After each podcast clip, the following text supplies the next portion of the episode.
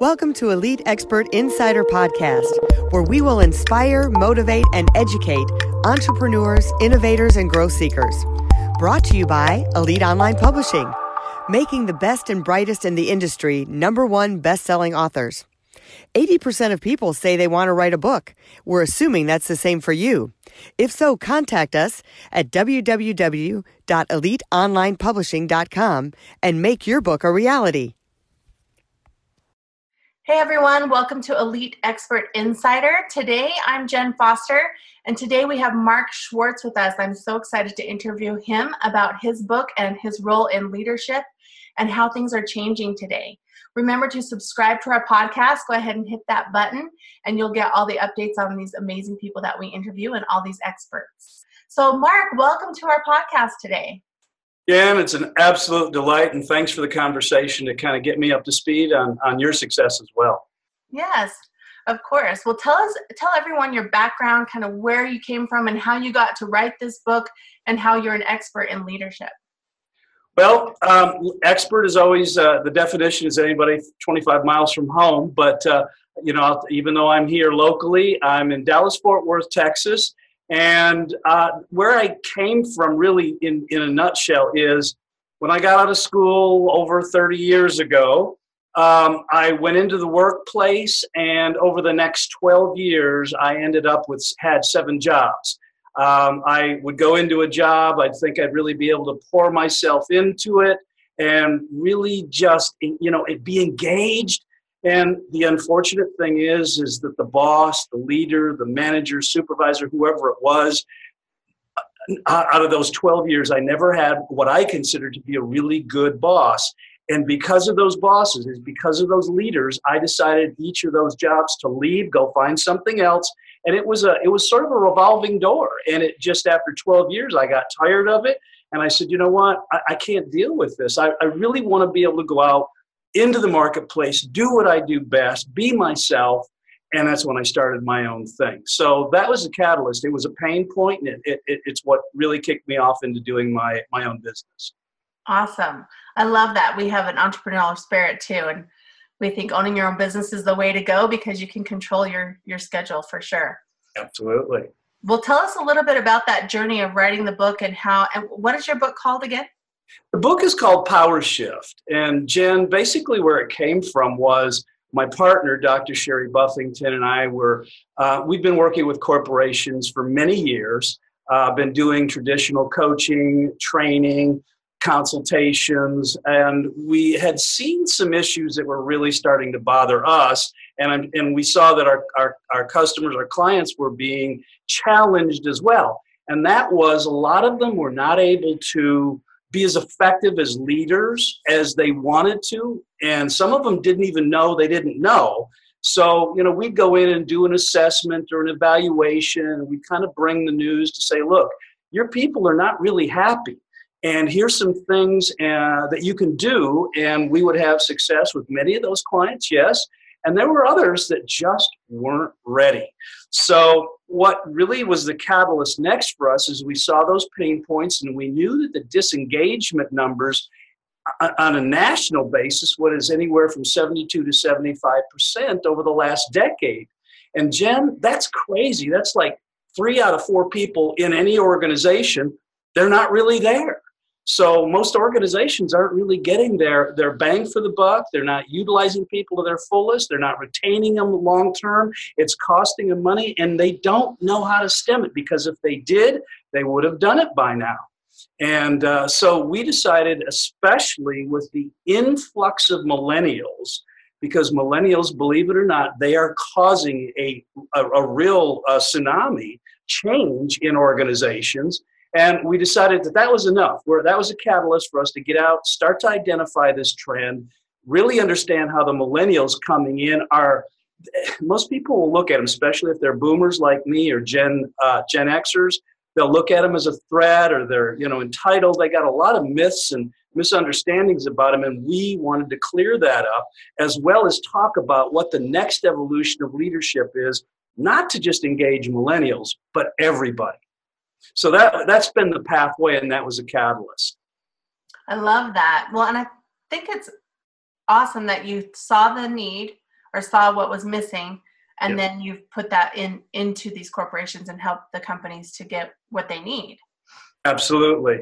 And you know to be perfectly frank eh, leadership there's a lot of people that do it. There's a lot of people that talk about it leadership most people think is just something that we evolve to or maybe we're born really and we we've said all along there is no such thing as a born leader.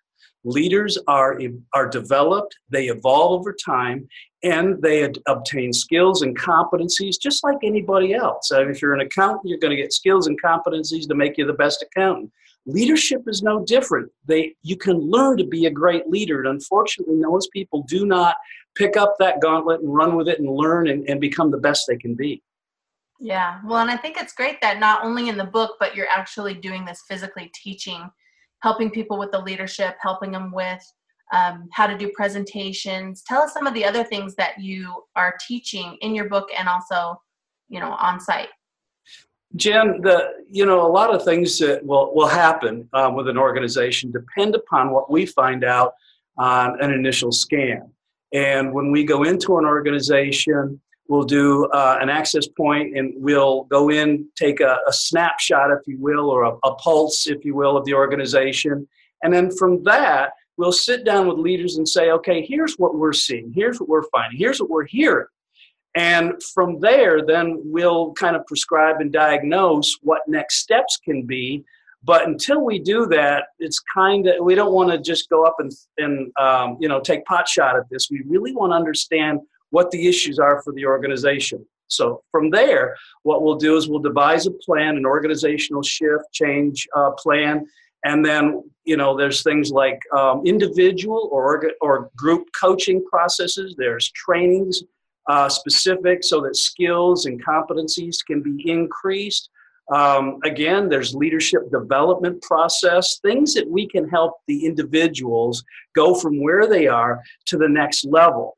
And really, truthfully, is our whole goal here is to shift an environment or the environment.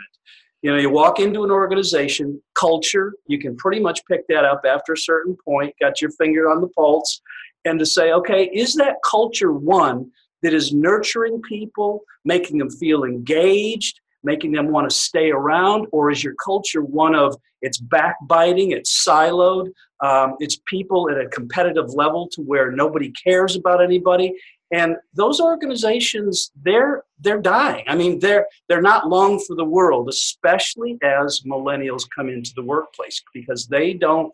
They're, they're not going to stand for it. It's not who they are. It's not part of their value system. So there's got to be some changes in it. Yeah, I love that, and I think that that's the key is the change you know a lot of corporations they are set in their ways especially if they're doing things like they were doing in the 80s or the 90s right and so it's, it's like okay well if we're going to keep this going the culture does have to shift and right. it's that power shift like you're talking about absolutely and you know again i know that shift or change is challenging but at the same time so is losing market share, so is losing people, so is losing money, and ultimately your business. So it's sort of like the old adage pay me now or pay me later, but some point it's going to shift and change. And the more we address it up front before it gets to critical uh, uh, situation, the better we are. Right. Well, and changing that culture and helping those companies and corporations to do this really helps them in such the long term. I mean, even right now, with the economy, you know, there's not that much unemployment. And so people are getting, I, I know I've heard of people who are, you know, been with a company for 30 or more years and they're leaving that company to go somewhere else because there's better benefits or it's a higher pay or something some kind of incentive some kind of better better insurance or something they're moving companies because they can because there is the unemployment rate is low right now so that's right well, it is a it's a seller's market, and okay, great. That's all well and good, but let's get to the point where we know this is cyclical. We know it's going to change, and at some point, organizations are going to have to get better at um, helping to not only bring good people in, develop them, nurture them, but hold and retain them in a way that is um, uh, effective or interesting And one of the things uh, about millennials is they're very much about um, I want to get trained. I want to take my skills to the next level. I want to get better. I like a challenge. Mm-hmm. Not everybody. I mean, there's exceptions to everything, but for the most part, if in fact we're not showing a millennial how they can progress in an organization. Guess what? They vote on this with their feet by walking out the door. And that's where, again, these retention um, uh, ratios are not going to get any better unless we're starting to address it. But let's say it's not just millennials. People are becoming more sophisticated and aware of what is nurturing to them and fulfilling to them. And when they're engaged and they're fully passionate about something, um, versus you know I just show up for a paycheck. I'll take whatever comes my way. No, it, it's we're really becoming a much more empowered workforce now, which is good. Which is mm-hmm. absolutely the next step step and next evolution. Yes. So tell us, Mark, what is your passion? What drives you? Well, it, it's that very thing. It's that one um, that I mentioned is seven jobs, 12 years, because I grew up in a household where I had a pretty dominant father, and I got pretty tired. I got very tired of um, that domination running my life. And when I got out of the, the house, went to college, and then got out in the workplace, I you know what? I, I don't ever want to go through that again. And yet, when I got out there, guess what I drew toward me, Jim? The exact thing that I did not want, which was an overbearing, um, non considerate boss who didn't take my, not only my feelings, and you know, this doesn't always have to be about feelings, but take my the benefits, the things that I had, the strengths, find out what they were, and then utilize those strengths in a way that not only helped him but the organization and helped me. I mean, that is a that's a win-win-win triumvirate that I don't think most managers or leaders understand. So that's my passion is really is to help organizations one, identify where the issues are. Two, how can we keep these people and make them feel great while they're here? Because people that feel good perform well.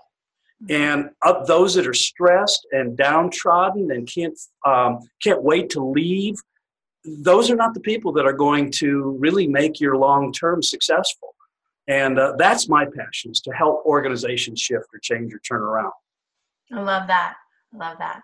Well, why don't you tell us where people can find you and where they can go to get your book and, and hire you? You do speaking as well? Yeah, uh, thank you. I, I, absolutely do. My goal is to get out in front of many org- as many uh, groups uh, or organizations as possible, talk about the power shift that is at hand, and really start to raise that awareness. And the book can be you can go to our website at spectracomm.com and get the book Power Shift and that's S-P-E-C-T-R-A-C-O-M-M dot com slash book, spectracomm.com forward slash book. And you can get the book there, or you can go to Amazon and order it as well. And uh, so, yeah, the, the book has got some great insights and especially talks about the evolution of leadership, um, what we're trying to accomplish, and what we can help organizations move toward and very well depicted there, and especially talking about the drivers and the motivators of individuals. Because if in if uh, any organization or the, the managers inside that organization don't understand drivers and motivators, then they're really probably not going to understand their people to that degree by which we can get them all heading in the same direction. Right. Well, thank you so much, Mark, for your time today. Absolutely. And everyone can go visit your website and find out more about you and grab your book. Uh, please subscribe to this podcast and share it with others. And we look forward to seeing you next time on Elite Expert Insider. If you'd like to create the most powerful advertising tool for your business, contact us at eliteonlinepublishing.com, where we will help you create, publish, and make your book a number one bestseller and show you how to get new leads and more revenue for your business.